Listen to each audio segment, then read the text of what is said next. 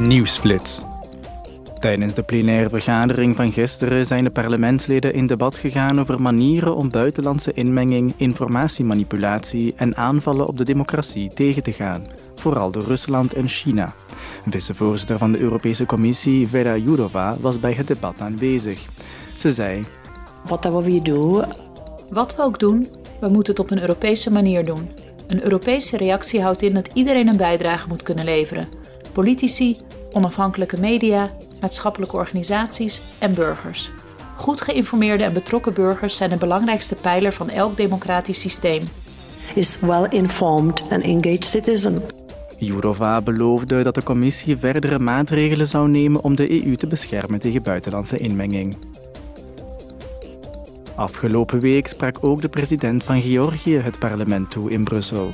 Salome Zurabishvili verklaarde dat het Georgische volk herenigd wil zijn met zijn Europese familie. Ze drong er daarom bij de EU op aan het land uiterlijk eind 2023 de status van kandidaat-lidstaat toe te kennen. Georgians will not give up.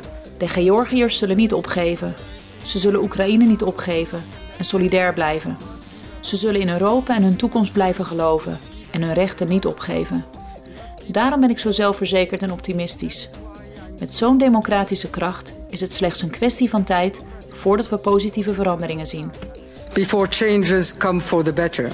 De voorzitter van het Europees Parlement, Roberta Metsola, zei dat voor Europa de juiste omstandigheden aanwezig moeten zijn om de Georgische burgers een toekomst in de EU te kunnen bieden. Voorzitter Metsola opende de vergaderperiode in Brussel met een minuut stilte ter nagedachtenis aan de slachtoffers van de recente overstromingen in Italië. Bij de ramp zijn 15 mensen gestorven en meer dan 30.000 mensen werden gedwongen hun huis te verlaten. De overstromingen hebben ernstige schade veroorzaakt aan huizen, landbouw, industrie en infrastructuur. Metsola zei ook dat de Europese Unie haar mechanisme voor civiele bescherming in gang heeft gezet en dat Italië om steun zou vragen uit het Solidariteitsfonds van de EU.